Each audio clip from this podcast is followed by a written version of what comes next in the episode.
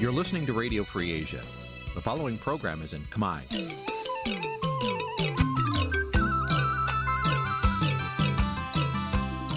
នេះជាកម្មវិធីផ្សាយ Vuthu Azizi Serai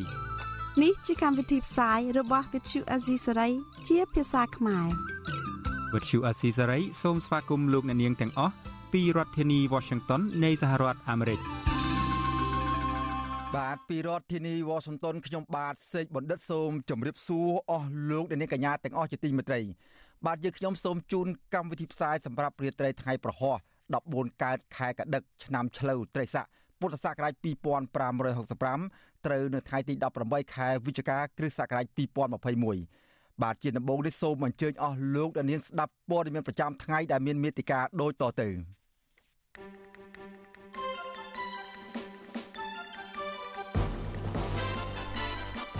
សកម្មជនគណៈបកប្រឆាំងទាមទាររដ្ឋាភិបាលអនុញ្ញាតឲ្យពួកគេចូលតតាំងក្តីនៅតុលាការមន្ត្រី Confrel ស្នើទៅប្រជាពលរដ្ឋឲ្យទៅចុះឈ្មោះបោះឆ្នោតក្រមអ្នកសារព័ត៌មានរិះគន់អភិបាលខេត្តកំពតរឿងគៀបសង្កត់សិទ្ធិសេរីភាពពលករខ្មែររៀបរាប់អំពីការលំបាកពេលជាប់គុកដោយសារការឆ្លងដែនខុសច្បាប់រួមនឹងព័ត៌មានផ្សេងផ្សេងមួយចំនួនទៀត។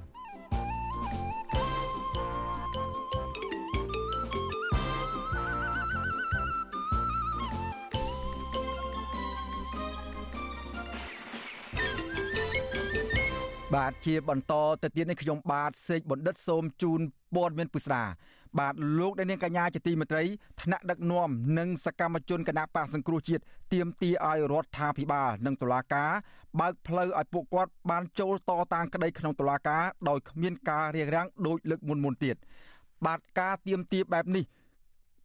បាទបាទការទៀមទីបែបនេះ គឺបន្ទាប់ពីតុលាការក្រុងភ្នំពេញ បានកោះហៅក្រុមមេដឹកនាំនិងសកម្មជនគណៈបកប្រឆាំងចំនួន42នាក់ដែលភ ieck ច្រើនរស់នៅក្រៅប្រទេសឲ្យចូលរួមសវនាការលើសំណុំរឿងរួមគំនិតក្បត់និងញុះញង់នៅដើមខែធ្នូខាងមុខបាទប្រធានតុលាការក្រុងភ្នំពេញឆ្លើយតបថារឿងមន្ត្រីគណៈបកសង្គ្រោះជាតិចង់ចូលកម្ពុជា ដើម្បីតតាំងក្តីក្នុងតុលាការគឺមិនពាក់ព័ន្ធនឹងការទទួលខុសត្រូវរបស់តុលាការនោះទេ បាទពីរដ្ឋធានី Washington អ្នកស្រីខែសុណងរាយការណ៍ជំនួយព័ត៌មាននេះសកម្មជនបកប្រឆាំងនិងអ្នកឃ្លាំមើលស្ថានភាពនយោបាយលើកឡើងស្របគ្នាថាការរឹបអូសទីស្នាក់ការកណ្ដាលរបស់គណៈបកសង្គ្រោះជាតិជារឿងខុសនីតិវិធីច្បាប់និងគ្រាន់តែជាការសងសឹករឿងនយោបាយប៉ុណ្ណោះ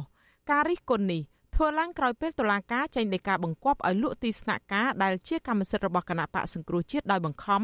ស្របពេលដែលលោកសំរងស៊ីកំពុងស្ថិតនៅសហរដ្ឋអាមេរិកដើម្បីតាមដានរឿងដាក់ទណ្ឌកម្មនិងបង្កក់ទ្រព្យសម្បត្តិរបស់មន្ត្រីធំធំនៃរដ្ឋាភិបាលលោកហ៊ុនសែន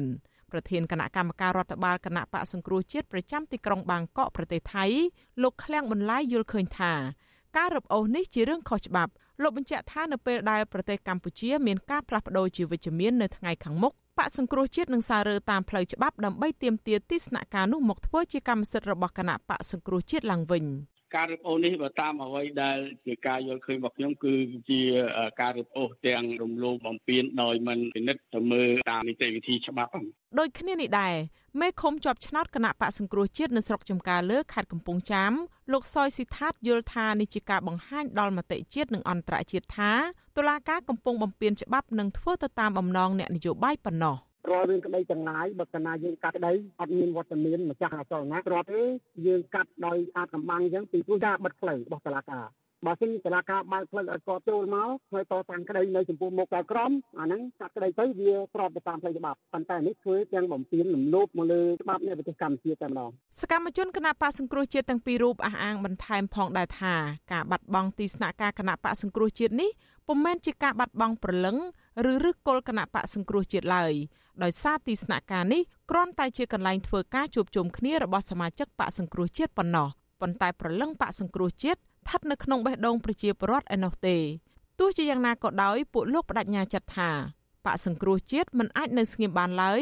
នឹងនៅតែបន្តតវ៉ាទាមទារមកវិញនៅស្នាក់ការនោះទោះតាមរូបភាពណាក៏ដោយដូចជាការតស៊ូមតិនៅលើបណ្ដាញសង្គម Facebook ជាដើមព្រោះជាសិទ្ធិពលរដ្ឋដែលមានចែងនៅក្នុងច្បាប់ ជុំវិញរឿងនេះអ្នកនាំពាក្យគណៈបកកណ្ដាលអំណាចលោកសុកអេសានបដិសេធថាតុលាការមិនមែនរឹបអូសទីស្នាក់ការគណៈបកសង្គ្រោះជាតិក្នុងរូបភាពនយោបាយឡើយតែជាការអនុវត្តនីតិវិធីរបស់តុលាការតឡាការគេកាត់តែក្តីឲ្យតតសំរានទីសងបំណុលសំណងជំងឺចិត្តរដ្ឋបវិនីដល់ដើមមិនដឹង តឡាការគេរឹបអូសយកកម្មសិទ្ធិរបស់អ្នកចាញ់ក្តីថាមិនមែនយកទីស្នាក់ការទេអាទីស្នាក់ការនឹងរឿងទៅឡែងតកតងបញ្ហានេះមេធាវីរបស់រដ្ឋាភិបាលអះអាងថាការរឹបអូសនឹងបង្ខំលក់ទីស្នាក់ការគណៈបកសង្គ្រោះជាតិដែលជាទ្រព្យសម្បត្តិរបស់គ្រួសារលោកសំរងស៊ីគឺជាការអនុវត្តត្រឹមត្រូវតាមច្បាប់និងជាការអនុវត្តទូទៅរបស់តុលាការមិនមែនចំពោះតែលោកសំរងស៊ីនិងអ្នកស្រីជូឡុងស៊ូមូរ៉ានោះទេ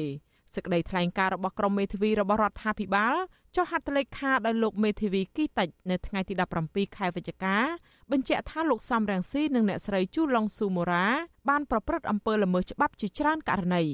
តុលាការក្រុងភ្នំពេញដែលស្ថិតក្រោមអធិបុលគណៈបកកាន់អំណាចបានចេញនៃការដាក់លក់ទីស្នាក់ការគណៈបកសង្គ្រោះជាតិកាលពីពេលថ្មីៗនេះស្នាក់ការដែលមានទីតាំងនៅសង្កាត់ចាក់អង្រែលើខណ្ឌមានជ័យរាជធានីភ្នំពេញនោះ មានលោកសំរងស៊ីប្រធានស្ដីទីគណៈបកសង្គ្រោះជាតិជាម្ចាស់កម្មសិទ្ធិតុលាការរំអូសទីតាំងនោះយកទៅលក់ក្រោមហេតុផលយកលុយទៅសងលោកនាយករដ្ឋមន្ត្រីហ៊ុនសែននិងមន្ត្រីក្រាក់ក្រាក់មួយចំនួនទៀតដែលតុលាការបានកាត់ឲ្យលោកសំរងស៊ីចាញ់ក្តីអ្នកទាំងនោះសរុបជាទឹកប្រាក់ជាង2លាន5សែនដុល្លារទង្វើបែបនេះរបស់តុលាការត្រូវបានអ្នកជំនាញផ្នែកច្បាប់មួយចំនួនរិះគន់ថា ជារឿងរំលោភច្បាប់ទាំងកំរោលហើយអ្នកតាមដានសង្គមខ្លះទៀត ប្រៀបធៀបថាជាអំពើប្លន់ជាចំហ ប្រព្រឹត្តដោយអាជ្ញាធររដ្ឋាភិបាលលោកហ៊ុនសែនរីឯអគ្គលេខាធិការសហព័ន្ធនិស្សិតបញ្ញវន្តកម្ពុជាលោកគៀនពន្លកយល់ឃើញថាការរឹបអូសលក់ឡៃឡុងទីស្នាក់ការគណៈបកនេះគឺជាការសងសឹករឿងនយោបាយដោយគណៈបកកាន់អំណាចចង់កាត់ផ្តាច់ឬគល់គណៈបកសង្គ្រោះជាតិតែម្ដងនេះគេហៅថាខឹងគោទៅវាយរទេសមានន័យថាខឹងសហរដ្ឋអាមេរិកដែលជាមកលក់ទីស្នាក់ការគណៈបកសង្គ្រោះជាតិ នេះគឺជាកំសោយមួយរបស់រដ្ឋាភិបាលក្នុងការតតាំងជាមួយនឹងគណៈបកប្រឆាំងហើយក៏ជាប្រសិទ្ធភាពមួយដែលរដ្ឋាភិបាលខ្លួនឯងហ្នឹងចូលថាគណៈបកប្រឆាំងនៅតែមានសកម្មភាពហើយខ្លាចស្រមោលរបស់គណៈបកប្រឆាំងអ្នកតាមដានស្ថានភាពនយោបាយរូបនេះបន្ថែមថាសមាជិកគណៈបកសង្គ្រោះជាតិទាំងអស់គួរតែរួបរวมគ្នាតវ៉ាកុំឲ្យតុលាការលក់ទីស្នាក់ការបករបស់ខ្លួន ហើយលោកសំរងស៊ីផ្ទាល់ គួរតែបន្តសកម្មភាពការទូតដើម្បីឲ្យសហគមន៍អន្តរជាតិពិសេសប្រទេសប្រជាធិបតេយ្យធំធំដូចជាសហរដ្ឋអាមេរិកនិងសហភាពអឺរ៉ុបជាដើមដាក់សម្ពាធបន្ថែមទៀតទៅលើរដ្ឋាភិបាលកម្ពុជា ដើម្បីកែប្រែកំហុសរបស់ខ្លួនហើយនឹងលើកដំកើងលទ្ធិប្រជាធិបតេយ្យនិងការគោរពសិទ្ធិមនុស្សឡើងវិញចា៎នាងខ្ញុំខែសុណងវັດឈូអាស៊ីសេរីរាយការណ៍ពីរដ្ឋធានី Washington បាទលោកអ្នកនាងកញ្ញាជាទីមេត្រីលោកអ្នកនាងទើបនឹងបានស្ដាប់សេចក្តីរាយការណ៍របស់អ្នកស្រីខែសំណងស្ដីអំពីសកម្មជនគណៈបកប្រឆាំងនិងអ្នកឃ្លាំមើលរិះគន់ការរឹបអូសទីស្នាក់ការគណៈបកសង្គ្រោះជាតិតែដែលបញ្ហានេះជាការសងសឹកឬនយោបាយក៏ប៉ុន្តែអ្នកនាំពាក្យគណៈបកប្រជាជនកម្ពុជាឆ្លើយតបថា ទោះការរឹបអូសនោះគឺជាការអនុវត្តទៅតាមនីតិវិធីរបស់តុលាការបាទបន្ថែមពីលើសេចក្តីរាយការណ៍របស់អ្នកស្រីខែសំណងនេះដែរខ្ញុំបាទនឹងសម្ភាសជាមួយនឹងលោកគៀនពុនលោកជាអគ្គលេខាធិការសម្ព័ន្ធនិស្សិតបញ្ញវន្តកម្ពុជា និងជាតំណាងយុវជន បន្ថែមថាតើយុវជនយល់ឃើញយ៉ាងដូចម្តេចចំពោះអ្នកនយោបាយប្រើបបធរនយោបាយសងសឹកគ្នា រហូតដល់ការរឹបអូសយកទីស្នាក់ការរបស់គណៈបកសង្គ្រោះជាតិនេះថែមទៀតផងនោះបាទហើយថាតើ ការប្រើយុទ្ធសាស្ត្រនយោបាយសងសឹកគ្នារបស់អ្នកនយោបាយបច្ចុប្បន្ននេះនឹងបន្សល់ទុកមរតកអ្វីខ្លះទៅដល់យុវជនសង្គមជាតិទាំងមូល បាទឥឡូវនេះយើងបានភ្ជាប់ទូរស័ព្ទតំណាក់តំណងទៅលោកគិនពន្លកបានហើយខ្ញុំបាទសូមជម្រាបសួរលោកគិនពន្លកពីចម្ងាយបាទបាទជម្រាបសួរបងសេចបណ្ឌិតសូមជម្រាបសួរបងប្អូនជនជាតិរួមជាតិខ្មែរទាំងក្នុងនិងក្រៅប្រទេសគឺគោរពបាទ បាទពន្លកដូចពន្លកបានស្ដាប់សេចក្តីរាយការណ៍របស់អ្នកស្រីខែសំណងពីខាងដើមនេះអញ្ចឹងថាមានមតិខ្វែងគ្នាច្រើនជុំវិញការរឹបអូសទីស្នាក់ការរបស់គណៈបកសង្គ្រោះជាតិនេះខាងរដ្ឋាភិបាលបានលើកឡើងហើយថាការរឹបអូសនេះគឺជាការ ដែលអនុវត្តតាមនីតិវិធីរបស់តុលាការក៏ប៉ុន្តែខាងគណៈបកសង្គ្រោះជាតិផ្ទាល់ហើយនិងអ្នកខ្លំមើលសង្គមមួយចំនួនបានលើកឡើងថាការរឹបអូសគណៈបកទីស្នាក់ការគណៈបកសង្គ្រោះជាតិនេះគឺធ្វើឡើងជាការសងសឹកផ្នែកនយោបាយចុះចំពោះប្រឡូកវិញយល់ឃើញយ៉ាងម៉េចដែរបាទបាទចំពោះខ្ញុំគឺជាយុវជនសាលដោយការរបស់លោកអ៊ុំមណៈដែលឲ្យរត់អូសគណៈទីស្នាក់ការនៃគណៈបកសង្គ្រោះជាតិតែនៅក្នុងនោះមានការសងសំណងទៅលើ មន្ត្រីគុំធំរបស់រដ្ឋាភិបាលមានដូចជាការសងសំណងទៅលើលោកនាយករដ្ឋមន្ត្រីហ៊ុនសែន1លានដុល្លារលោកសខេងជាង50ម៉ឺនដុល្លារហើយនឹងលោកហេងសំរិនជាង6ម៉ឺនដុល្លារនិងរដ្ឋាភិបាលជាង40ម៉ឺនដុល្លារអឺចំពោះខ្ញុំខ្ញុំយល់ថាការរឹបអូសស្នាក់ការគណៈបកសង្គ្រោះជាតិហើយនៅប្រកាសលោកឡាយឡុងនេះគឺជាចរិតបែបនយោបាយបាទបាទដោយសារអីដោយសារយើងមើលឃើញថា ការរឹបអូសទីស្នាក់ការគណៈបកសង្គ្រោះជាតិនេះអឺគឺគឺជាការដែលអឺប្លន់ប្លន់ទ្រព្យសម្បត្តិរបស់លោកសំស៊ីព្រោះព្រោះអីយើងដឹងហើយថាអឺទីស្នាក់ការគណៈបកសង្គ្រោះជាតិគឺជាកម្មសិទ្ធិរបស់លោកសំស៊ីហើយនិងលោកស្រីជូឡុងស៊ូមារ៉ាដែលជាប្រធានស្ដីទីនៃគណៈបកសង្គ្រោះជាតិបាទអញ្ចឹងយើងដឹងហើយថាអឺ តឡាការមានសិទ្ធិត្រឹមតែរក្សាទុកទ្រព្យសម្បត្តិទេព្រោះអីលោកសំមន្ត្រីជាម្ចាស់បំណុលហ្នឹងគឺគាត់មិនបានយកខ្លងទៅប្រចាំនៅរដ្ឋាភិបាលទេសូម្បីតែធនាគារតើតែយើងមានខ្លងទៅគេអាចប្រសិនបើមិនសងប្រាក់ទៅគេអាចមានសិទ្ធិក្នុងការរឹបអូសយកផ្ទះឬមួយក៏ដីធ្លីក៏ប៉ុន្តែយើងឃើញថាលោកសំមន្ត្រីមិនបានយកខ្លងទៅប្រចាំ ឲ្យមន្ត្រីរដ្ឋាភិបាលណាមួយទេបាទអញ្ចឹងចំពោះខ្ញុំប្រសិនបើអាចរឹបអូសបានក៏តែម្ចាស់កម្មសិទ្ធិនឹងគឺមានការយល់ព្រមទទួលថ្លង់ជូនអញ្ចឹងខ្ញុំយល់ថាសាលការនេះគឺជាសាលការមួយដែលមានចរិតបែបនយោបាយបាទបាទអឺនឹងបើតាមការលើកឡើងរបស់ពន្លកពាក់ព័ន្ធនឹងបញ្ហាផ្លូវច្បាប់ហើយនឹងមេធាវីមួយចំនួនទៀតដែលមើលរឿងនេះ យ៉ាងដិតដល់នោះក៏បានលើកឡើងជាបន្តមកដែរថាជាបន្តបន្តមកដែរថាការរឹបអូសនេះហាក់បីជាផ្ទុយនឹងច្បាប់ក៏ប៉ុន្តែបែរជាលើកឡើងថាបញ្ហានេះជាការសងសឹកចំណុចណាមួយពន្លកអាចបញ្យល់ដោយខ្លីថារូបភាពនេះជាការសងសឹកជាជាងការអនុវត្តតាមផ្លូវច្បាប់នោះបាទបាទមែនទែនទៅរូបភាពនេះគឺជារូបភាពមួយដែលជាការសងសឹកជាជាងការអនុវត្តច្បាប់ដោយសារអីដោយសារតែ រដ្ឋាភិបាលមានគំនុំគុំទួនទៅលើលោកសំស៊ីយើងដឹងហើយថាក្រោយការរំលាយគណៈបកសង្គ្រោះជាតិកាលពីឆ្នាំ2017បាទគឺរដ្ឋាភិបាលបានប្រកាសក្តីស្ដាំជាច្រើនទៅលើមន្ត្រីជាន់ខ្ពស់នៃគណៈបកសង្គ្រោះជាតិជាពិសេសគឺលោកសំស៊ីសនឹងឯងហើយយើងមើលឃើញថាការដាក់បន្ទុកទៅលើប្រធានគណៈបកប្រឆាំងរូបនេះបាទគឺកាន់តែធ្វើឲ្យគណៈបកសង្គ្រោះជាតិនេះគឺ មានឈ្មោះល្បីនៅលើឆាកអន្តរជាតិបាទសូម្បីតែសហរដ្ឋអាមេរិកបាទសហភាពអឺរ៉ុបក៏នៅតែទទួលស្គាល់គណៈបកសង្គ្រោះជាតិដែរមិនត្រឹមតែប៉ុណ្ណឹងអឺមួយទៀតគឺការចាប់ប្រធានបាទប្រធានគណៈបកសង្គ្រោះជាតិគឺលោកកឹមសុខានោះគឺដាក់ពន្ធនាគារនៅត្រពាំងខ្លងហើយបច្ចុប្បន្ននេះគឺជាប់ពន្ធនាគារនៅក្នុងផ្ទះបាទអញ្ចឹងយើងឃើញថាការសងសឹកគ្នាទៅវិញទៅមករបស់រដ្ឋាភិបាលនេះគឺ มันមានផលចំណេញអ្វីដល់ប្រទេសកម្ពុជាទេទៅទៅវិញគឺកាន់តែធ្វើឲ្យប្រទេសកម្ពុជានេះជួបផលវិបាកពីច្រើនដូចជាការដាក់ទណ្ឌកម្មសេដ្ឋកិច្ចរបស់ប្រទេសលោកសេរីធំធំឲ្យជាដើមបាទបាទអរគុណពលលោកការលើកឡើងរបស់ពលលោកនេះខ្ញុំនឹកឃើញទៅដល់សុភាសិតខ្មែរមួយហើយអ្នកនយោបាយទាំងចំនួនមុនទាំងចំនួនក្រោយនេះតែងតែលើកឡើងថាការធ្វើនយោបាយនៅក្នុងបរិបទបច្ចុប្បន្នបីដូចជាអនុវត្តតាម សុភាសិតមួយថាទឹកឡើងត្រីស៊ីសមុទ្រទឹកខូចសមុទ្រស៊ីត្រីយ៉ាងជានយោបាយបែបសងសឹកបើសិនជាការធ្វើនយោបាយរបស់ខ្មែរឬមួយក៏អ្នកនយោបាយខ្មែរចំនួននេះធ្វើឡើងបែបសងសឹកគ្នាទៅវិញទៅមកដោយមិនសូវជាគិតអំពីផលប្រយោជន៍ជាតិប្រជាពលរដ្ឋជាធំនោះតើវានឹងបន្សល់នៅមរតកហើយនឹងផ្ដល់គ្រោះថ្នាក់ដល់សម្រាប់សម្រាប់ជាតិយ៉ាងដូចម្ដេចដែរបាទចំពោះប្រឡូកបាទបាទមែនទែនទៅក្នុងនាមខ្ញុំជាយុវជន ខ្ញុំមិនចង់ឲ្យមានសុភាសិតខ្មែរកើតមានឡើងទៀតទេគឺទឹកឡើងត្រីស៊ីសមុទ្រទឹកហោចសមុទ្រស៊ីទឹកត្រីអឺនេះគឺជាការសងសឹកគ្នាទៅវិញទៅមកមិនចេះសពមិនចេះហើយទេហើយខ្ញុំសោកស្ដាយដែលមេដឹកនាំប្រទេសកម្ពុជាដែលគាត់លើកឡើងថាបើមានទីអត់ខ្សែបើមានខ្សែអត់ទីបាទអញ្ចឹងហើយក្នុងនាមខ្ញុំជាយុវជនខ្ញុំមិនចង់ឃើញមេដឹកនាំប្រើសម្ដីបែបនេះទេបាទរួម រួមទាំងលោកនាយករដ្ឋមន្ត្រីហ៊ុនសែនផងដែលគាត់លើកឡើងបែបនេះគឺយុវជនមិនមានការគ្រប់គ្រងទេហើយអ្វីដែលយុវជនចង់ឃើញគឺចង់ឃើញខ្មែរចេះស្រឡាញ់គ្នាខ្មែរចេះរួបរวมសាមគ្គីគ្នាហើយខ្មែរចេះ អាចរួបរวมគ្នាក្នុងការដោះស្រាយបញ្ហាជាតិធំធំជាច្រើនព្រោះអីយើងដឹងថាប្រទេសកម្ពុជាយើងបច្ចុប្បន្ននេះកំពុងតែរងគ្រោះទូទួនបាទទី1គឺជំងឺ Covid-19 បាទទី2គឺការផ្ដាច់ប្រព័ន្ធអនុគ្រោះពន្ធ EBA របស់សហភាពអឺរ៉ុបហើយទី3គឺមកដល់ពេលនេះគឺអឺប្រព័ន្ធអនុគ្រោះពន្ធ GSP ហ្នឹងគឺមិនទាន់បានផ្ដល់ឲ្យប្រទេសកម្ពុជានៅឡើយទេរបស់សហរដ្ឋអាមេរិកហើយមិនត្រឹមតែប៉ុណ្ណឹងទណ្ឌកម្មធំធំបានធ្លាក់មកជាបន្តបន្ទាប់មានទាំងច្បាប់ Global Magnitsky Act ដែលដាក់ទណ្ឌកម្មមន្ត្រីរដ្ឋាភិបាលធំធំបាទហើយអឺ ថ្មីថ្មីនេះក៏មានការបង្កើតច្បាប់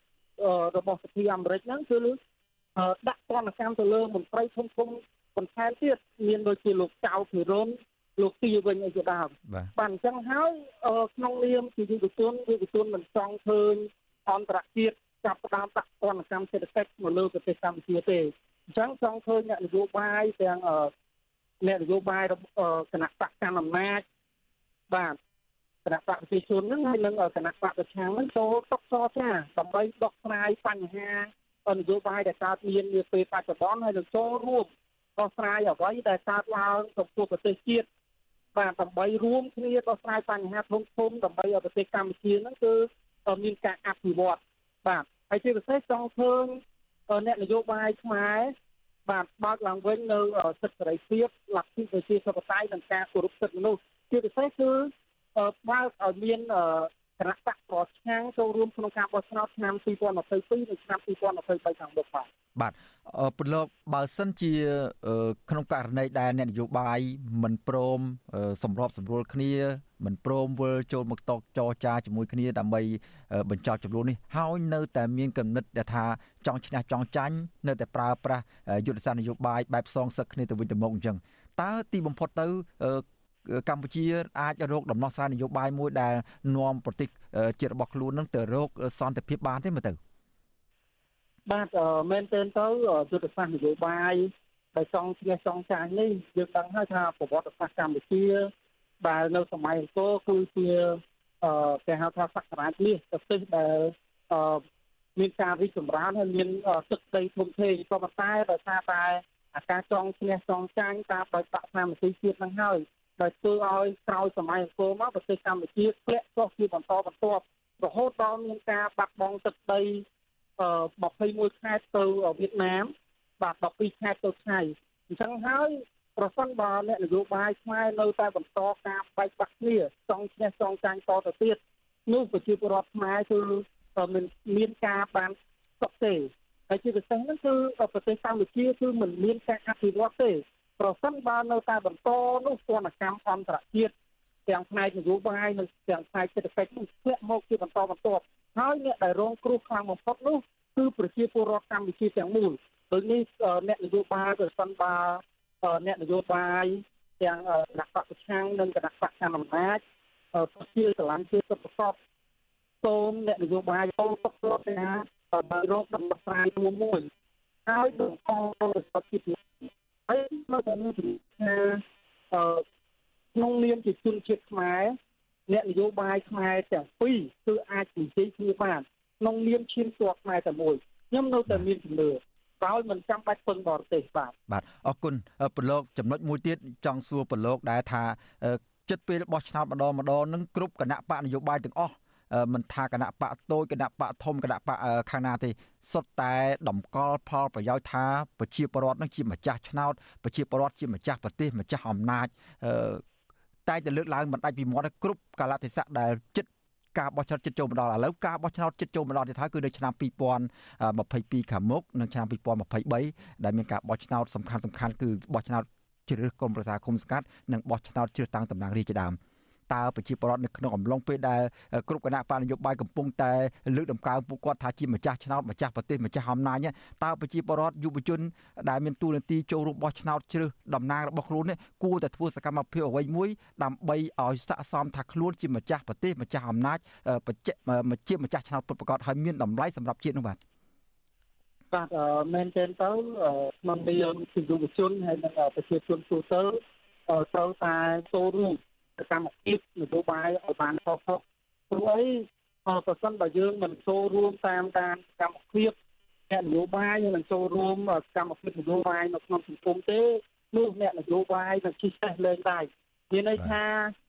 អ្នកនយោបាយនៅពេលដែលសពឆ្នោតហើយគឺ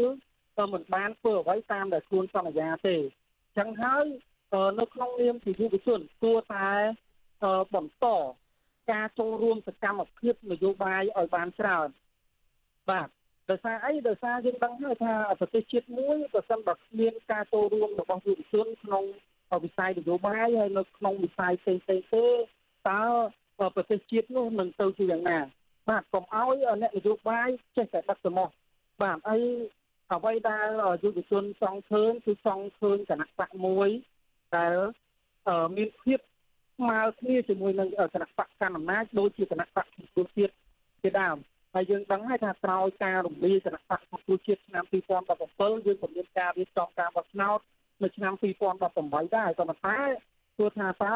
ការបោះឆ្នោតនៅឆ្នាំ2018បាទអន្តរជាតិជាពិសេសលោកសេរីទាំងសហរដ្ឋអាមេរិកនិងសហភាពអឺរ៉ុបបាទទទួលស្គាល់រដ្ឋាភិបាលកម្ពុជាដែរឬទេចឹងហើយយុវជនចង់ឃើញលំហ នៃលទ្ធិប្រជាធិបតេយ្យនៅការគោរពសិទ្ធិមនុស្សនៅឆ្នាំ2022និងឆ្នាំ2023នេះឲ្យមានគណៈបកប្រឆាំងមួយដែលប្រជាជនមានទំនុកចិត្តដូចជាគណៈបកសង្គ្រោះជាតិនោះគឺចូលរួមការបោះឆ្នោតស្របទៅតាមអឺរដ្ឋធម្មនុញ្ញដែលប្រទេសកម្ពុជាយើងគឺប្រកាន់យករបបប្រជាធិបតេយ្យសេរីពហុបកបាទហើយ ការបោះឆ្នោតដែលមានការចូលរួមគណៈបកប្រឆាំងមួយដែលប្រជារាស្ត្រគ្រប់គ្រងគឺលទ្ធផលនៃការបោះឆ្នោតនោះអន្តរជាតិជាពិសេសប្រទេសលោកសេរីនឹងទទួលស្គាល់លទ្ធផលនៃការបោះឆ្នោតអញ្ចឹងអ្វីដែលសំខាន់គឺទៅលើរដ្ឋាភិបាលថាតើរដ្ឋាភិបាលពិតជារដ្ឋាភិបាលមួយដែលគោរពទៅលើលទ្ធិប្រជាធិបតេយ្យគោរពទៅលើការគោរពសិទ្ធិមនុស្សបាទគោរពទៅលើសេរីភាពរបស់ប្រជាពលរដ្ឋពិតប្រាកដដែរទេបើមិនបើគាត់មានឆន្ទៈខ្ញុំគិតថា រដ្ឋាភិបាលកម្ពុជាបច្ចុប្បន្នគឺអាចធ្វើបានហើយនឹងបើកលំហនយោបាយឲ្យមានប្រព័ន្ធពហុបកឡើងវិញនៅឆ្នាំ2022 2023បាទបាទសូមអរគុណលោកគិនប្រឡូកដែលចំណាយពេលវេលាផ្ដល់បទសម្ភាសជូនអសិស័យសម្រាប់ប្រទេសនេះបាទជំរាបលាទៅប៉ុណ្ណេះសិនប្រឡូកបាទបាទជំរាបលាបងសេចក្ដីជំរាបលាបងប្អូនជនរួមជាតិខ្មែរទាំងក្នុងនិងក្រៅប្រទេសបាទជំរាបលាបង បាទលោកនាងកញ្ញាជាទីមេត្រីឥឡូវនេះជាបន្តទៀតយើងមិនទាន់ទៅណាឆ្ងាយពីសំណុំរឿងរបស់គណៈបកសង្គ្រោះជាតិនោះទេបាទថ្នាក់ដឹកនាំនិងសកម្មជនគណៈបកសង្គ្រោះជាតិទាមទារឲ្យរដ្ឋាភិបាលនិងតុលាការបើកផ្លូវឲ្យពួកគាត់បានចូលតតាំងក្តីក្នុងតុលាការដោយគ្មានការរារាំងដោយកាលពីពេលមុនមុនទៀតបាទ ការទៀមទាបែបនេះគឺបន្ទាប់ពីតុលាការក្រុងភ្នំពេញបានកោះហៅក្រុមមេដឹកនាំនិងសកម្មជនគណៈបកប្រឆាំងចំនួន42នាក់ដែលភ ieck ច្រើនរស់នៅក្រៅប្រទេសឲ្យចូលរួមសវនកម្មលើសំណុំរឿងរួមគំនិតក្បត់និងញុះញង់នៅដើមខែធ្នូខាងមុខបាទប្រធានតុលាការក្រុងភ្នំពេញឆ្លើយតបថារឿងមន្ត្រីគណៈបកសង្គ្រោះជាតិចង់វិលចូលកម្ពុជាដើម្បីតតាំងក្តីក្នុងតុលាការគឺមិនពាក់ព័ន្ធនឹងការទទួលខុសត្រូវរបស់តុលាការនោះទេ បាទពីរដ្ឋធានី Washington លោកទីនសាការីយ៉ារាយការណ៍ជុំវិញព័ត៌មាននេះមេដឹកនាំនឹងសកម្មជនគណបកប្រឆាំងដែលកំពុងតែភៀសខ្លួននៅក្រៅប្រទេសនៅតែមានឆន្ទៈចង់វិលចូលកម្ពុជាវិញដើម្បីតតាំងក្តីក្នុងតុលាការអនុប្រធានគណបកសង្គ្រោះជាតិអ្នកស្រីមូសុងហួរទាមទារអរដ្ឋាភិបាលនិងតុលាការជប់បង្កើតឧបសគ្គរារាំងនិងត្រូវផ្ដល់វីសាឬផ្ដល់សុពលភាពលិខិតឆ្លងដែនជូនមន្ត្រីគណៈបកប្រឆាំងទាំងអស់ឡើងវិញ ដើម្បីឲ្យពួកគាត់បានចូលទៅតតាំងរឿងក្តីនៅក្នុងតុលាការអ្នកស្រីបញ្ជាក់ថាពួកគាត់មានសិទ្ធិទទួលបានការជំនុំជម្រះក្តីដោយយុត្តិធម៌នៅចំពោះមុខតុលាការដោយគ្មានការរារាំងនោះទេនេះបើតាមផ្លូវច្បាប់ ពេលដែលខ្ញុំឃើញតែការខ្ញុំនឹងដាក់សំណើជាថ្មីម្ដងទៀតនៅស្ថានទូតនៃប្រជាជាតិកម្ពុជាស្ថិតនៅ Washington DC នេះតាមមានត្រឡប់ទៅប្រទេសកម្ពុជាដែលជាមាតុភូមិរបស់ខ្ញុំនៅក្នុងការប្រជុំមុខឆ្លើយតបនឹងការចាប់ប្រកាន់នៃតុលាការរបស់លោកហ៊ុនសែន ចាស់ច្បាស់ណាស់ទី1សិទ្ធិចូលទៅប្រទេសជាកំណើតរបស់ខ្លួនជាសិទ្ធិដែលមានចែងនៅក្នុងរដ្ឋធម្មនុញ្ញនៃប្រទេសជាណាចក្រកម្ពុជាហើយនៅទី2គោលការណ៍សកលនៅក្នុងការទទួលបានការកាត់សេចក្តីដោយយុត្តិធម៌លុះត្រាតែជនជាប់ចោលអាចមានឱកាសទៅឆ្លើយនៅការចាប់ប្រកាន់នៃតុលាការអនុប្រធានគណៈបកសង្គ្រោះជាតិរូបនេះបន្ថែមទៀតថាបរដ្ឋាភិបាលនៅតែបន្តបដិសេធក្នុងការផ្ដល់ទិដ្ឋាការឬវីសាគឺបង្ហាញថារដ្ឋាភិបាលកំសាក គ្មានការទទួលខុសត្រូវនិងកំពុងរំលោភបំពានច្បាប់ធ្ងន់ធ្ងរអ្នកស្រីមូសុខហួរសង្កត់ធ្ងន់ថាក្នុងករណីបែបនេះតុលាការគួរតែក្លាហានចាត់វិធានការតាមផ្លូវច្បាប់ទៅលើមន្ត្រីរដ្ឋាភិបាលដែលរារាំងមន្ត្រីបកប្រឆាំងឬត្រូវទម្លាក់ចោលការចោទប្រកាន់លើមន្ត្រីបកប្រឆាំងទាំងស្រុងតែម្ដងតាក់ទងនឹងរឿងនេះសកម្មជនគណៈបកប្រឆាំងមួយរូបដែលកំពុងតែភៀសខ្លួននៅប្រទេសថៃលោករិនរតលើកឡើងថាលោកក៏មានចំហដោយថ្នាក់ដឹកនាំគណៈបកសង្គ្រោះជាតិដែរក្នុងការវិលជុលទៅកម្ពុជាវិញ ដើម្បីចូលរួមសវនាការនៅពេលខាងមុខលោកស្នើទៅតុលាការបង្គាប់ទៅរដ្ឋាភិបាលឲ្យបញ្ឈប់ការរារាំងដោយលើកមុនមុនទៀតយើងមើលឃើញថាតឡាការកោះតែហ៊ុនសែនបិទអញ្ចឹងខ្ញុំសូមឲ្យលោកហ៊ុនសែនមានសេចក្តីក្លាហានត្រូវមានសេចក្តីក្លាហានដើម្បីបើកចំហឲ្យថ្នាក់ដឹកនាំគណៈបកសង្គ្រោះជាតិនឹងចូលទៅតតាំងក្តីជាមួយតឡាការនឹងឲ្យបានស្មើមុខស្មើមាត់ការលើកឡើងនេះគឺនៅក្រៅពេលព្រះអាញាស្លំដំបងរាជធានីភ្នំពេញលោកសេងហៀង បានចេញនៃការកោះហៅថ្នាក់ដឹកនាំនិងសកម្មជនគណបកប្រឆាំងចំនួន42នាក់ឲ្យចូលរួមសវនាការនៅថ្ងៃទី7ខែធ្នូខាងមុខក្នុងសំណុំរឿងរួមគណិតក្បត់និងញុះញង់ពាក់ព័ន្ធនឹងដំណើរមាតុភូមិនិវត្តរបស់លោកសំរងស៊ីកាលពីចុងឆ្នាំ2019ក្នុងចំណោមអ្នកដែលត្រូវបានកោះហៅនោះរួមមានទាំងលោកសំរងស៊ីលោកអេងឆៃអៀងអ្នកស្រីមូសុខហួរជាដើមក្នុងសំណុំរឿងនេះមានជនជាប់ចោតសរុបទាំងអស់139នាក់ប៉ុន្តែតុលាការបានបំបែកជាពីរក្រុម ដូច្នេះនៅមានជនជាប់ចោតមួយក្រុមធំទៀតតុលាការមិនទាន់កោះហៅនៅឡើយកាលពីដើមឆ្នាំ2021អ្នកស្រីមូសុហួរនិងមន្ត្រីជាន់ខ្ពស់មួយចំនួនទៀតនៃគណៈបកសង្គ្រោះជាតិក៏ធ្លាប់បានព្យាយាមវិលជុលទៅកម្ពុជាវិញដែរដើម្បីតតាំងរឿងក្តីនៅក្នុងតុលាការប៉ុន្តែត្រូវបានបរាជ័យដោយសារតែរដ្ឋាភិបាលមិនផ្ដល់ទេតិការឬវីសាជូនឆ្លើយតបនឹងរឿងនេះប្រធានសាលាដំបងរាជធានីភ្នំពេញលោកតាំងសុនឡាយលើកឡើងថាខាងតុលាការ ដឹងត្រឹមតែចេញដីកាក៏ហៅតែប៉ុណ្ណោះហើយមន្ត្រីបកប្រឆាំងចូលរួមតាមរបៀបណានោះគឺជារឿងរបស់ពួកគាត់លោកបញ្ជាក់ថាតុលាការមិនអាចធ្វើអ្វីលើសពីនេះបានទេការងារខាងខ្ញុំធ្វើការតាមនីតិវិធីខាងឡាការទេលោកហើយតែពេលខ្ញុំបត់ដឹងដែរបើថាប្រហែលជាគឺអត់ដឹងទេអញ្ចឹងហើយអ្វីដែលខ្ញុំបានចាំគឺតាមនីតិវិធីឡាការហើយខាងវិញ្ញាទេគាត់អ្នកតោះជួយនឹងហើយតែទៀតខាងបត់ដឹងដែរ រីឯប្រធានអង្គភិបអ្នកនាំពាក្យរដ្ឋាភិបាលលោកផៃសុផានសូមមិនឆ្លើយតបរឿងនេះទេអសិរ័យក៏មិនអាចសុំការឆ្លើយតបពីអ្នកនាំពាក្យក្រសួងការបរទេសលោកកុយគួងនិងអ្នកនាំពាក្យក្រសួងយុទ្ធភ័ពលោកចិនម៉ាលីនបានដែរដើម្បីសំសួរអំពីបញ្ហានេះបន្ថែមនៅថ្ងៃទី18វិច្ឆិកាទោះជាយ៉ាងណាមន្ត្រីបកប្រឆាំងនិងអ្នកជំនាញច្បាប់យល់ថាបើសិនជាតុលាការអាយក្រិចស្ថាប័នយុទ្ធភ័ពមួយនេះត្រូវចេញលិខិតបង្គាប់ទៅរដ្ឋាភិបាលឲ្យបើកផ្លូវសម្រាប់មន្ត្រីបកប្រឆាំងចូលស្រុកវិញ ប្រធានក្រុមអ្នកច្បាប់អមរិនលោកមេធាវីសុកសំអឿនមានប្រសាសន៍ថាបើសិនជាតុលាការបានចេញនៃការកោះហៅមន្ត្រីបកប្រឆាំងចូលរួមសវនាការរួចហើយតុលាការក៏អាចបង្គាប់ទៅរដ្ឋាភិបាលឲ្យជួយសម្របសម្រួលដល់ជនជាប់ចោតឬសាកសីទាំងអស់ចូលតតាំងរឿងក្តីក្នុងតុលាការដោយគ្មានការរារាំងដែរអ្នកជំនាញខាងច្បាប់រំនេះបន្តថាបើសិនជាមន្ត្រីគណៈបកសង្គ្រោះជាតិមានឆន្ទៈចង់ចូលកម្ពុជា ហើយចង់តតាំងរឿងក្តីនិងបំភ្លឺក្នុងសវនាការ ប៉ុន្តែមានការរារាំងនោះគឺមិនអាចផ្ដល់ភាពត្រឹមត្រូវនឹងយុត្តិធម៌ពេញលេញបានទេអានោះគឺជាដែលកន្លែងពីគ្នារឿងអំណាចនឹងការបិទមកចូលជារឿងរបស់រដ្ឋាភិបាលយ៉ាងថ្ងៃរឿងការកោះហៅជារឿងរបស់តុលាការទេតាមពិតទៅបើសិនជាតុលាការសុខគេបើតុលាការមិនប្រកបអញ្ចឹងក៏ត្រូវតែប្រកបទៅរដ្ឋាភិបាលបើឲ្យគេចូលដែរអាហ្នឹងមកកាន់ត្រូវអញ្ចឹងណាតាមខ្ញុំយល់ហើយហើយតែតុលាការការសម្យើងតែជា ខ្ញុំមិនដឹងថាគាត់អាចហ៊ានគាត់រដ្ឋាភិបាលបើក៏គេចូលដែរឬអត់យើងអត់ដឹងបើសិនជាអ្នកនោះជាជនជាចោតដែលតុលាការតែក៏ហៅតុលាការក្រុងភ្នំពេញធ្លាប់បានចាប់ផ្ដើមបើកសវនាការសំណុំរឿងនេះជាលក្ខណៈទ្រង់ទ្រាយធំដោយមានថ្នាក់ដឹកនាំនិងសកម្មជនគណបកប្រឆាំងជាង130នាក់តាំងពីចុងឆ្នាំ2020ប៉ុន្តែតុលាការបានផ្អាកសវនាការវិញជាបន្តបន្ទាប់ចាប់តាំងពីខែកុម្ភៈឆ្នាំ2021ដោយសារតែការរីករាលដាលជំងឺ Covid-19 ទោះជាយ៉ាងណាគិតត្រឹមដើមខែវិច្ឆិកាឆ្នាំ2021នេះមានសកម្មជនជាង20នាក់ត្រូវបានតុលាការផ្តន្ទាទោសដាក់ពន្ធនាគារពី5ឆ្នាំទៅ7ឆ្នាំពាក់ព័ន្ធនឹងសំណុំរឿងរួមគំនិតក្បត់ប៉ុន្តែសារក្រមផ្តន្ទាទោសទាំងនោះត្រូវបានសហគមន៍ជាតិអន្តរជាតិរិះគន់ថាជារឿងមិនត្រឹមត្រូវនិងធ្វើតាមការចង់បានរបស់គណៈបកកណ្ដាលអំណាចខ្ញុំទីនសាការីយ៉ាអស៊ីសេរីប្រធានីវ៉ាស៊ីនតោន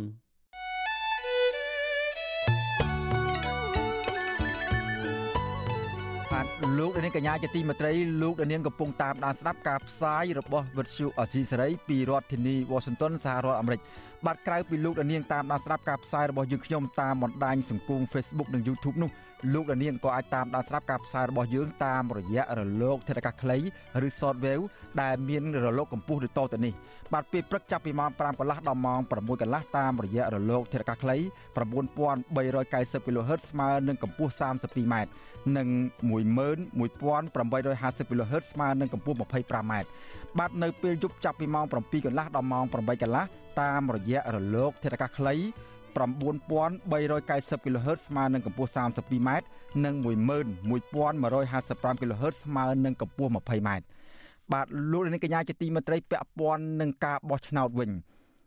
អ្នកធ្វើការងារតាក់ទងនឹងការបោះឆ្នោតជំរុញទៅប្រជាពលរដ្ឋឲ្យទៅចុះឈ្មោះបោះឆ្នោតនិងពិនិត្យបញ្ជីឈ្មោះបោះឆ្នោតឲ្យបានគ្រប់គ្រប់គ្នាបើទោះបីជាមិនទាន់មានគណៈបកដែលខ្លួនគ្រប់គ្រងធ្វើសកម្មភាពនយោបាយយ៉ាងណាក្តី បាទការលើកឡើងបែបនេះខណៈដែលគណៈកម្មាធិការជ្រៀបចំការបោះឆ្នោតហៅកាត់ថាគោចបនឹងបិទបញ្ជីឈប់ទទួលការចុះឈ្មោះបោះឆ្នោតនៅចុងខែវិច្ឆិកាខាងមុខនេះបាទពីរដ្ឋធានីវ៉ាស៊ីនតោនលោកមេរិតរាយការណ៍ជំវិញព័ត៌មាននេះអ្នកធ្វើការងារតាក់ទងទៅនឹងការបោះឆ្នោតរំលឹកពលរដ្ឋថា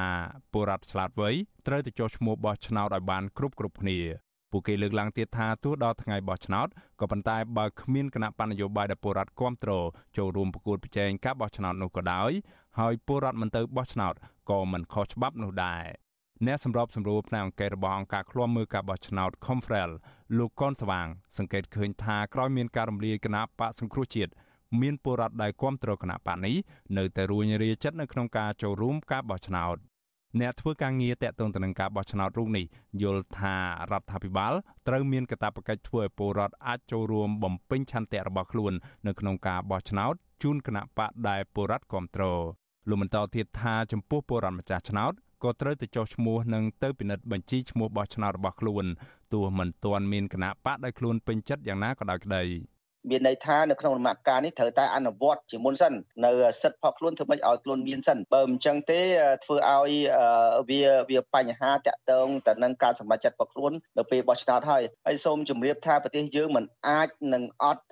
មិនអាចឈានចូលទៅក្នុងកន្លងនៃរបបកុម្មុយនីសទេគឺនៅតែជារបបប្រជាធិបតេយ្យក្នុងរដ្ឋណាក៏ដោយអញ្ចឹងកាលណារបបប្រជាធិបតេយ្យត្រូវតែមានការបោះឆ្នោតហ្នឹងហើយអញ្ចឹងបោះឆ្នោតនេះគឺចាំបាច់ណាស់ត្រូវតែម្ចាស់ឆ្នោតត្រូវតាមដានខ្លួនឯងក្នុងការពិនិត្យ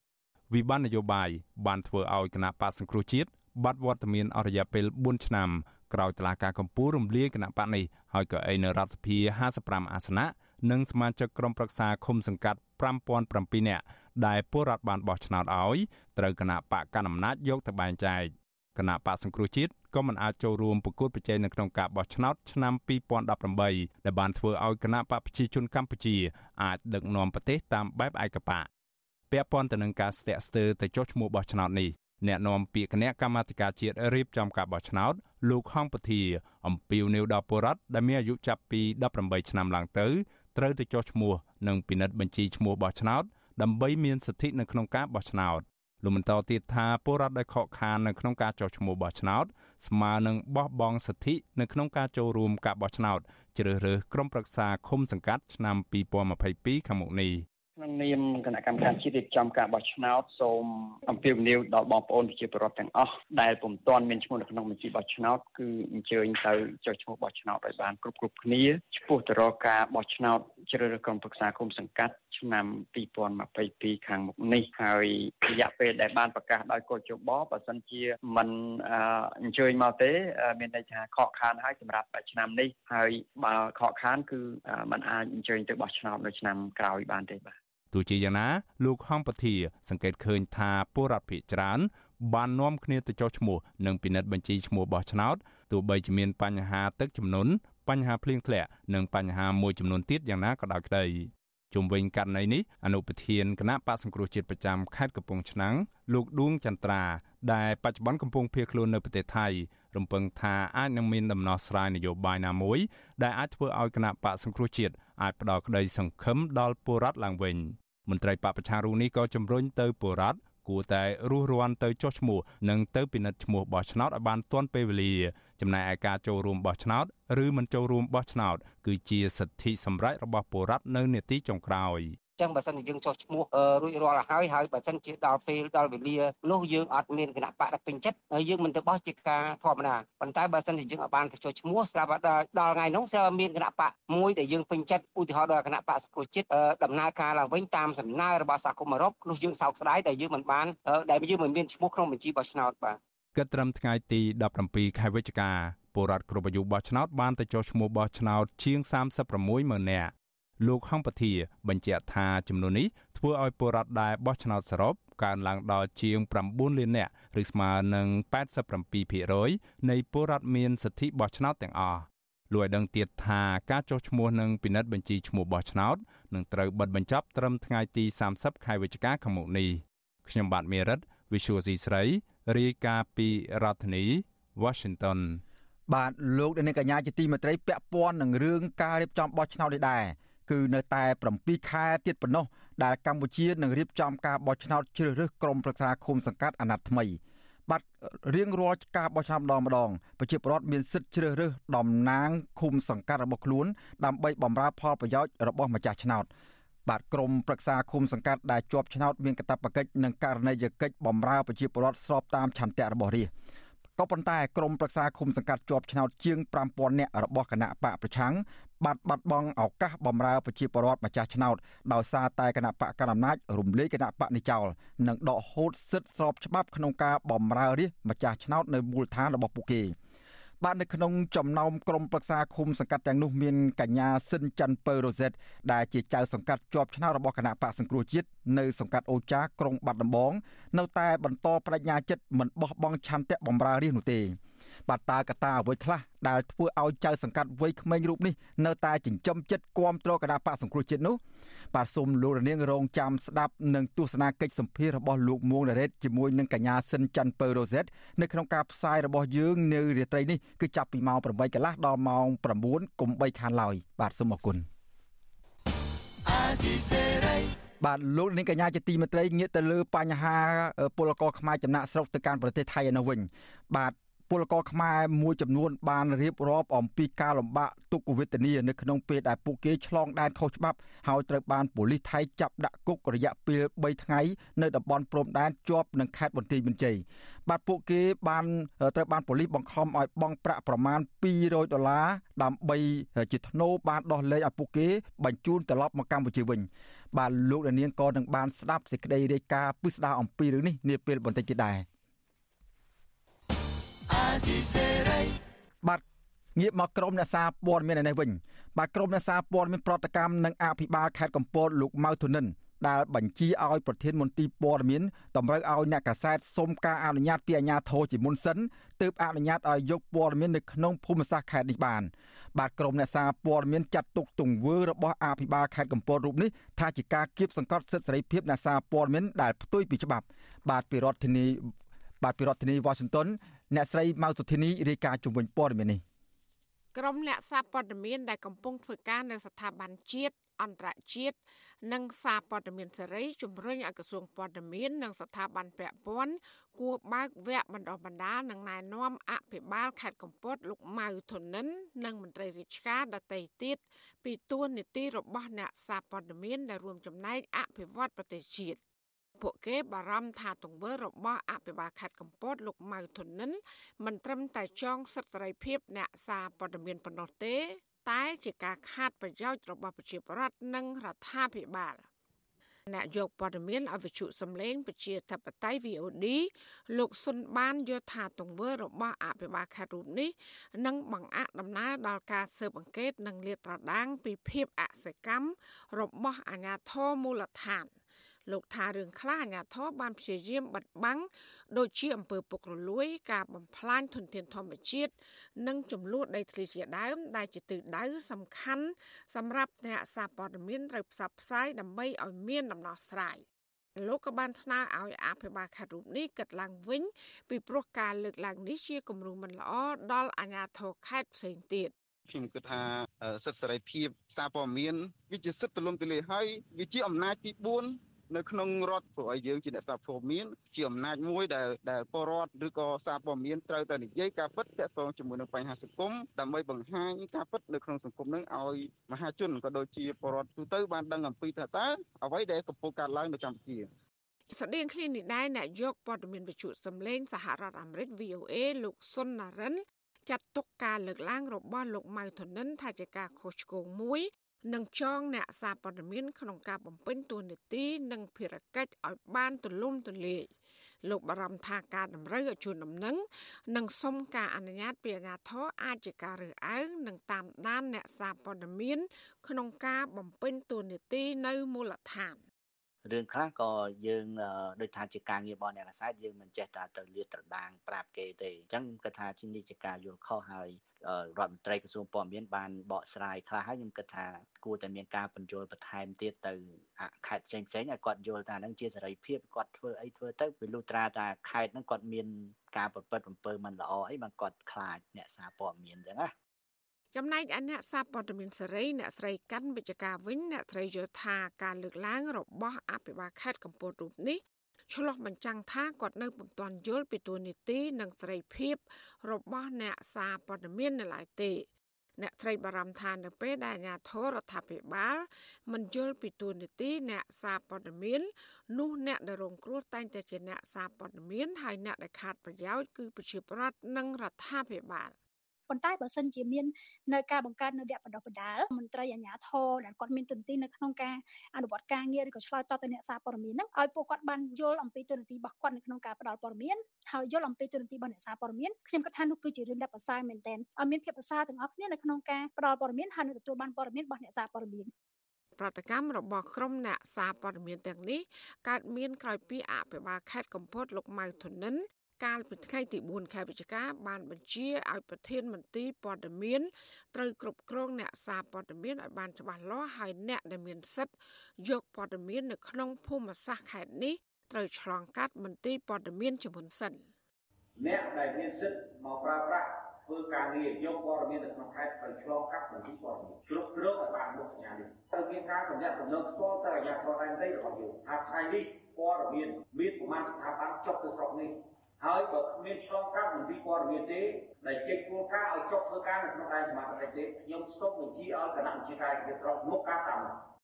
វិទ្យុអសីសេរីមិនអាចតតងលោកម៉ៅធនិនដើម្បីសាកសួរបន្ថែមរឿងនេះបានទេដោយទូរស័ព្ទហៅចូលតែពុំមានអ្នកទទួលនៅថ្ងៃទី18ខែវិច្ឆិកា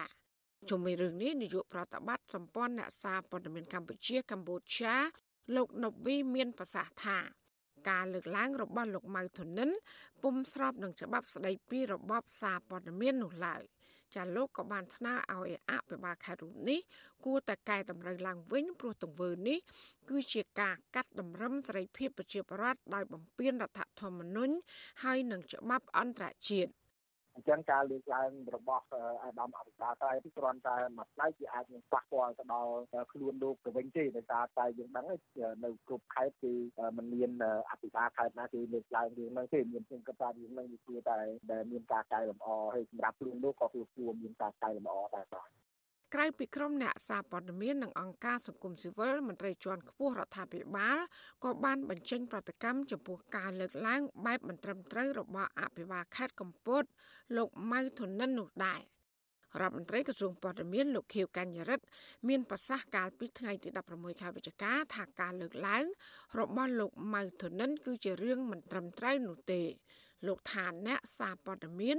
មានសិទ្ធិពេញលេញក្នុងការចោះយកព័ត៌មានទូទាំងប្រទេស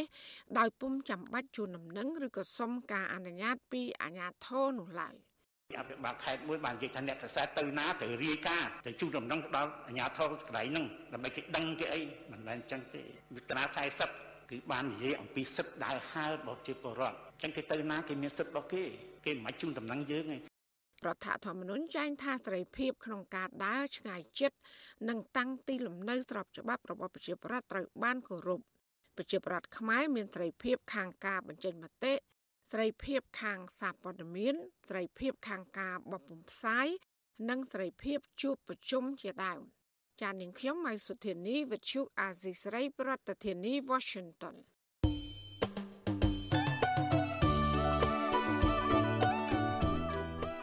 បាទលោកនាងកញ្ញាជាទីមេត្រីលោកនាងកំពុងតាមដានស្ដាប់ការផ្សាយរបស់វិទ្យុអាស៊ីសេរីពីរដ្ឋធានី Washington សហរដ្ឋអាមេរិកបាទក្រៅពីតាមដានកម្មវិធីផ្សាយរបស់វិទ្យុអាស៊ីសេរីតាមបណ្ដាញសង្គម Facebook YouTube Telegram លោកនាងក៏អាចតាមដានកម្មវិធីផ្សាយរបស់យើងខ្ញុំតាមរយៈបណ្ដាញ Instagram របស់អាស៊ីសេរីបានតាមរយៈតំណភ្ជាប់ www.instagram.com/rfa ខ្មែរ បាទអាស៊ីសេរីនឹងបន្តខិតខំប្រឹងប្រែងផ្សព្វផ្សាយព័ត៌មានពិតទៅកាន់បងប្អូនតាមរយៈបណ្ដាញសង្គមផ្សេងផ្សេងនិងសម្បូរបែបដើម្បីលោកនាងងាយស្រួលតាមដានការផ្សាយរបស់វិទ្យុអាស៊ីសេរីគ្រប់ពេលវេលា និងគ្រប់ទីកន្លែងតាមរយៈទូរស័ព្ទដៃរបស់អស់លោកនាង បាទសូមអរគុណបាទលោកនាងកញ្ញាជាទីមេត្រីពាក់ព័ន្ធនឹងស្ថានភាពជំងឺ Covid-19 វិញម្ដង បាទករណីស្លាប់ដោយសារជំងឺ Covid-19 បានកើនឡើងដល់ជិត2900នាក់ហើយក្រោយពីអ្នកជំងឺចំនួន6នាក់ទៀតបានស្លាប់ក្នុងនោះមាន5នាក់មិនបានចាក់វ៉ាក់សាំងបាទចំណែកករណីឆ្លងថ្មីវិញក្រសួងសុខាភិបាលប្រកាសថាមាន54នាក់ដែលជាលទ្ធផលបញ្ជាក់ដោយម៉ាស៊ីនពិសោធន៍ PCR បាទគិតត្រឹមព្រឹកថ្ងៃទី18ខែវិច្ឆិកានេះកម្ពុជាមានអ្នកកើតជំងឺ Covid-19 ជិត120,000នាក់ ក្នុងនោះអ្នកជាសះស្បើយមានជាង110,000នាក់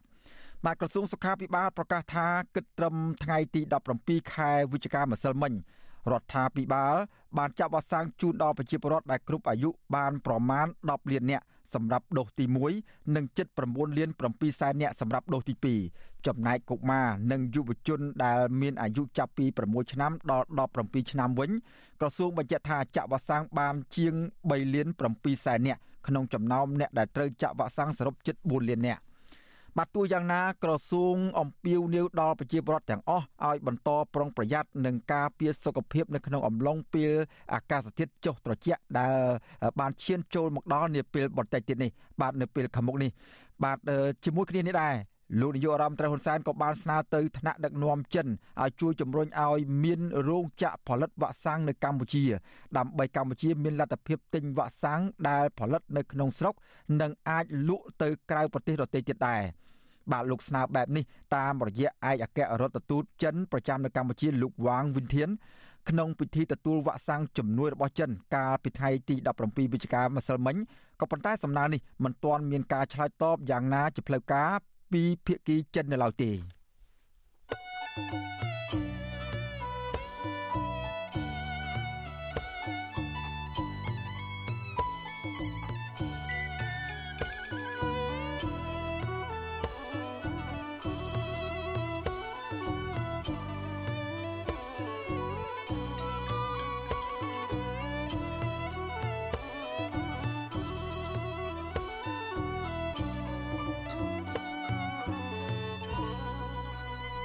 បាទពាក់ព័ន្ធនឹងស្ថានភាពរបស់ពលករខ្មែរដែលព្យាយាមឆ្លងដែនទៅធ្វើការងារនៅក្នុងប្រទេសថៃឯនោះវិញបាទពលករខ្មែរមួយចំនួនបានរៀបរាប់អំពីការលំបាក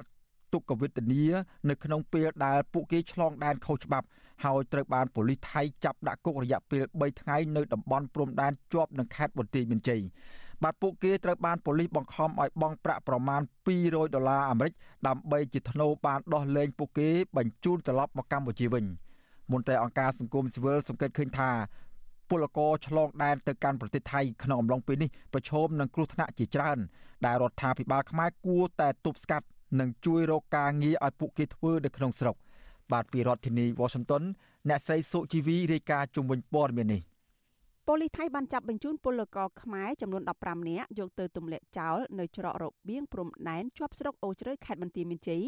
កាលពីថ្ងៃទី15ខែវិច្ឆិកា ក្រោយពីបានចាប់ពួកគេដាក់គុកអស់រយៈពេល3ថ្ងៃនៅស្រុកគោកស៊ូងខេត្តស្រះកែវបញ្ហានេះធ្វើឲ្យពលករខ្លះរៀងចាលលែងចង់ទៅធ្វើការនៅប្រទេសថៃប៉ុន្តែខ្លះទៀតបានបន្តខ្ចីប្រាក់ពីអ្នកភូមិជាមួយគ្នាដើម្បីផ្សងព្រេងរកការងារធ្វើនៅប្រទេសថៃជាថ្មីរកប្រាក់ដោះស្រាយជីវភាពគ្រួសារនិងសងបំណុលធនាគារដែលបានខ្ចីគេដាំដុះខាតដើមទុនអស់កាលពីឆ្នាំកន្លងទៅ។ ពលកររស់នៅឃុំនិមិត្តស្រុកអូជ្រៅលោកស៊ូពិសិដ្ឋរៀបរាប់ប្រាប់វិទ្យុអាស៊ីសេរីក្រោយពីលោកត្រឡប់ទៅកម្ពុជាថាការឆ្លងដែនអំឡុងពេលនេះលំបាកវេទនាជាងពេលមុនមុនទ្វេដងដូចជាត្រូវបង់ប្រាក់ឲ្យមេខ្ចលប្រមាណពី7000ទៅ10000បាតឬប្រមាណពី220ទៅ300ដុល្លារក្នុងម្នាក់លោកបន្តថាពួកលោកមានគ្នាចំនួន19នាក់មេខ្យល់ជនជាតិថៃ បាននាំពួកលោកដើរកាត់ព្រៃកាត់ភក់កាត់ចំការដំឡូងមី និងដេកក្នុងព្រៃអស់រយៈពេល3យប់ដើម្បីគេចចេញពីសមត្ថកិច្ចថៃ តែទោះជាយ៉ាងណាលោកប្រាំថាប៉ូលីសថៃ បានចាប់ពលករខ្មែរចំនួន15នាក់រួមទាំងរូបលោកផង ដាក់គុកនៅស្រុកគោកស៊ូងរយៈពេល3ថ្ងៃចំណែកពលករ4នាក់ផ្សេងទៀតមេខ្យល់បានដឹកពួកគេតាមរថយន្តទៅដល់កន្លែងធ្វើការនៅទីក្រុងបាងកកដោយសុវត្ថិភាព ពលករវ័យ37ឆ្នាំរូបនេះបញ្ជាក់ទៀតថាអំឡុងពេលជាប់គុក3ថ្ងៃនោះប៉ូលីសថៃ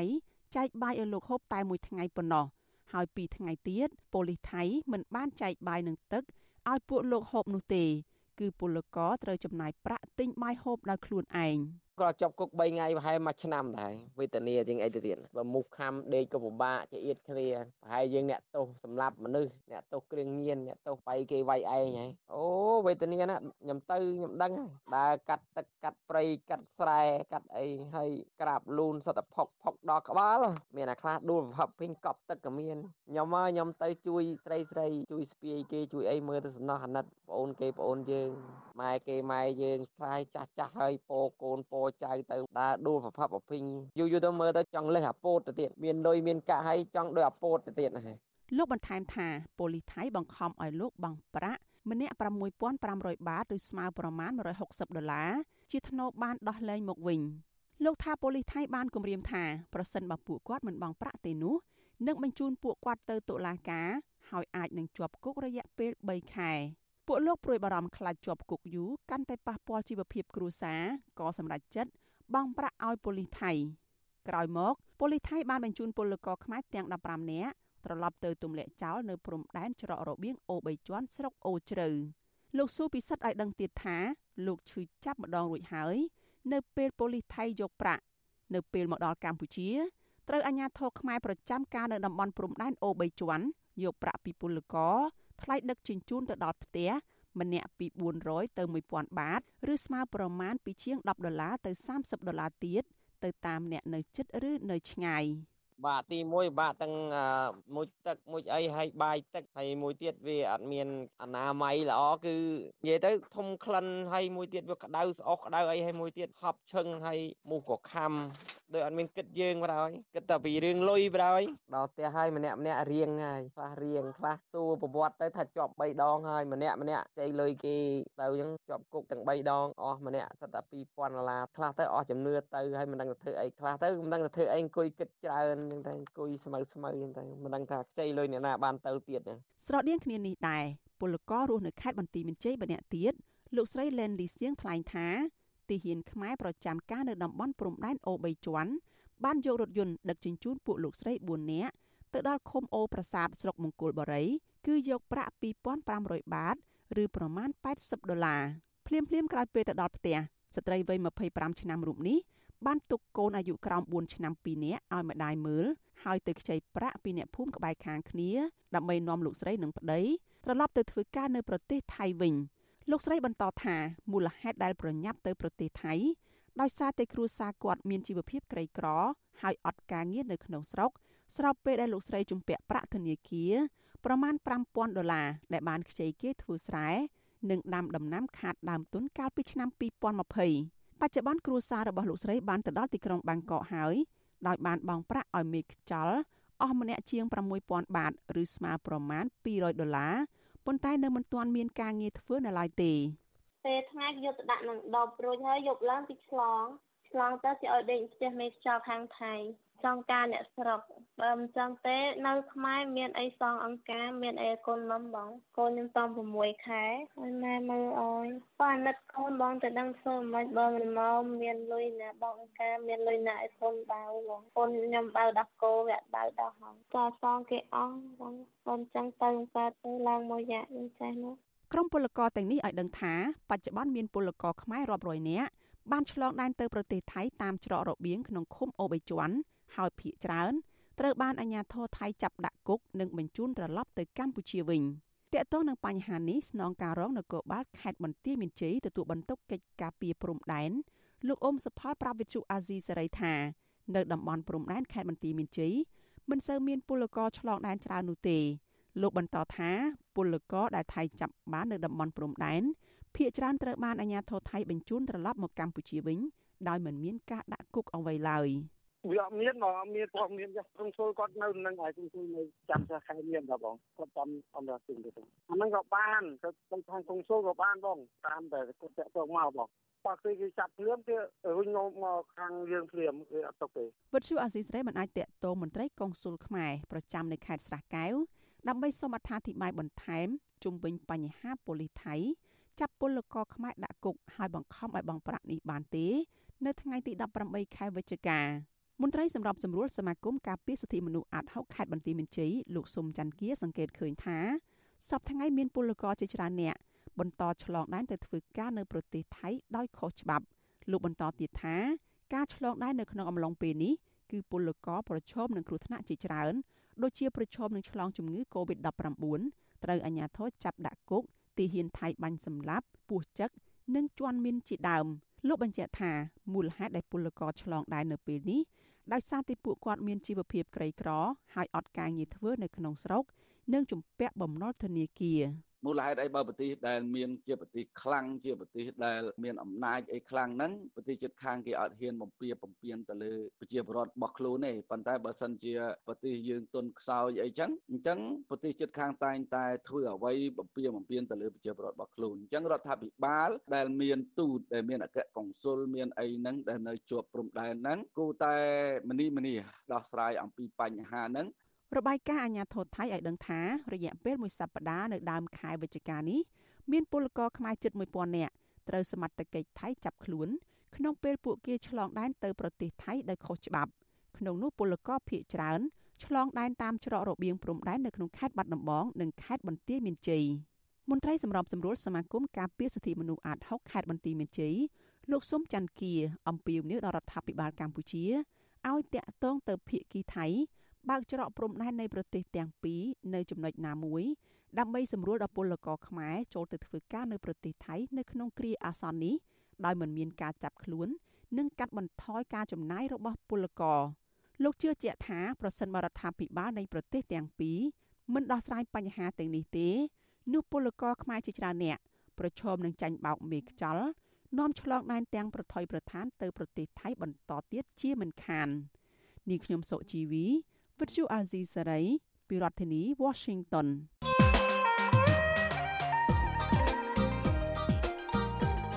បាទលោកនាងកញ្ញាជាទីមេត្រីលោកនាងកំពុងតាមដានស្ដាប់ការផ្សាយរបស់វិទ្យុអាស៊ីសេរីពីរដ្ឋធានី Washington សហរដ្ឋអាមេរិកបាទប្រជាជនខ្មែរជិត18%ឬជិតស្មើនឹង3លាននាក់នៃប្រជាជនសរុបប្រមាណ17លាននាក់នៅទូទាំងប្រទេសកំពុងតែរស់ក្រោមបន្ទាត់ក្រីភាពក្រីក្រ បាទនេះបើតាមការកំណត់ខ្សែបន្ទាត់ភាពក្រីក្រថ្មីនិងអត្រាភាពក្រីក្រនៅកម្ពុជា ឆ្នាំ2019និងឆ្នាំ2020របស់ក្រសួងផែនការបាទក៏ប៉ុន្តែ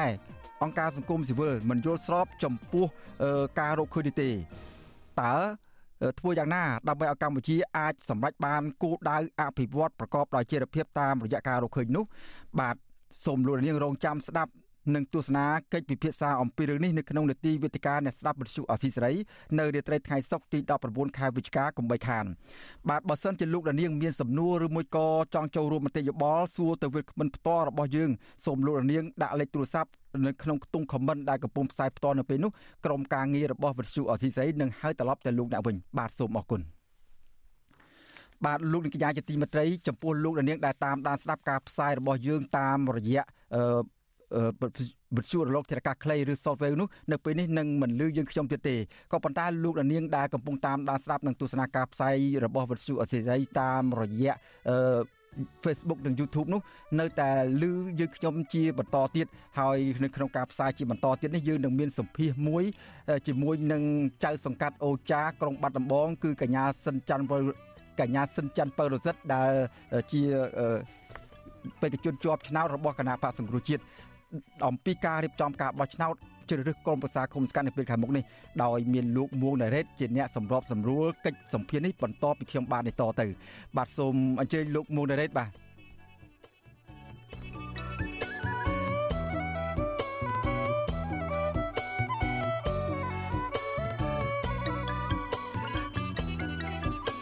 អងកញ្ញាអ្នកស្ដាប់និងទស្សនាកម្មវិធីផ្សាយរបស់អាស៊ីសេរីទាំងអស់ជាទីមេត្រីហើយនៅក្នុងរាត្រីនេះ គឺយើងនឹងមាន